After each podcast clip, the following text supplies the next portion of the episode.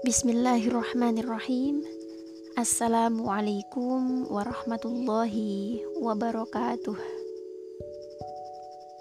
Bunda-bunda dan sahabat solihah sekalian, bagaimana kabarnya hari ini?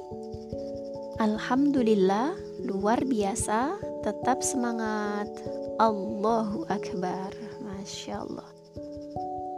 Alhamdulillahirabbil alamin. Alhamdulillahilladzi bi ni'matihi tatimus shalihat.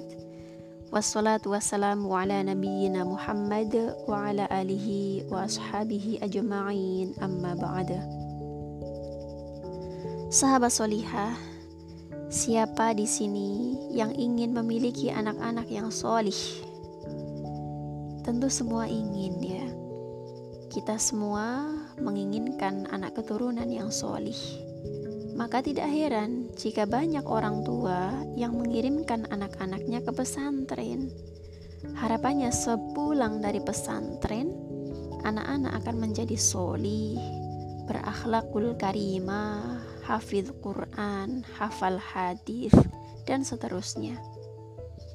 Sehingga sering kali orang tua lebih aktif mengirim anaknya untuk dididik oleh orang lain, oleh pesantren yang dipercaya mampu untuk membentuk anaknya menjadi anak-anak yang solih solihah dan lupa untuk mensolihkan diri.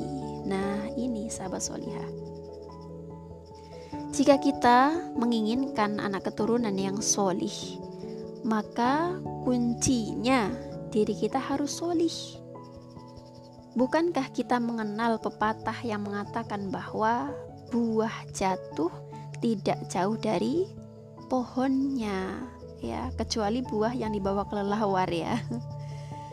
Maka di sini menjadi solih adalah kunci untuk mendapatkan keturunan yang solih. Kesolihan orang tua ini sangat berpengaruh sekali ya sahabat solihah terhadap kesolihan anak. Sebagaimana Allah Subhanahu wa taala berfirman di dalam Quran surat Al-Kahfi ayat 82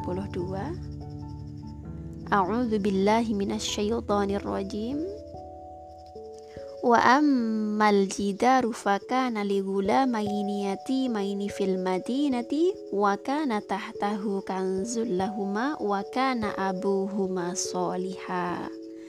Fa'arada rabbuka ay yablugha ashuddahuma wa yastakhrija kanzahuma rahmatan mir rabbik. Dan seterusnya. Masya Allah.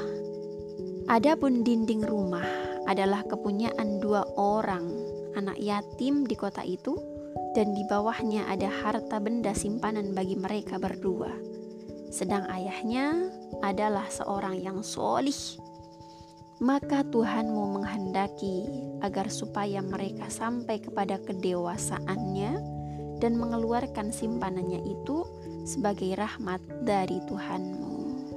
Allahu Akbar. Lihatlah sahabat solihah bagaimana Allah menjaga anak yatim tersebut juga hartanya karena apa?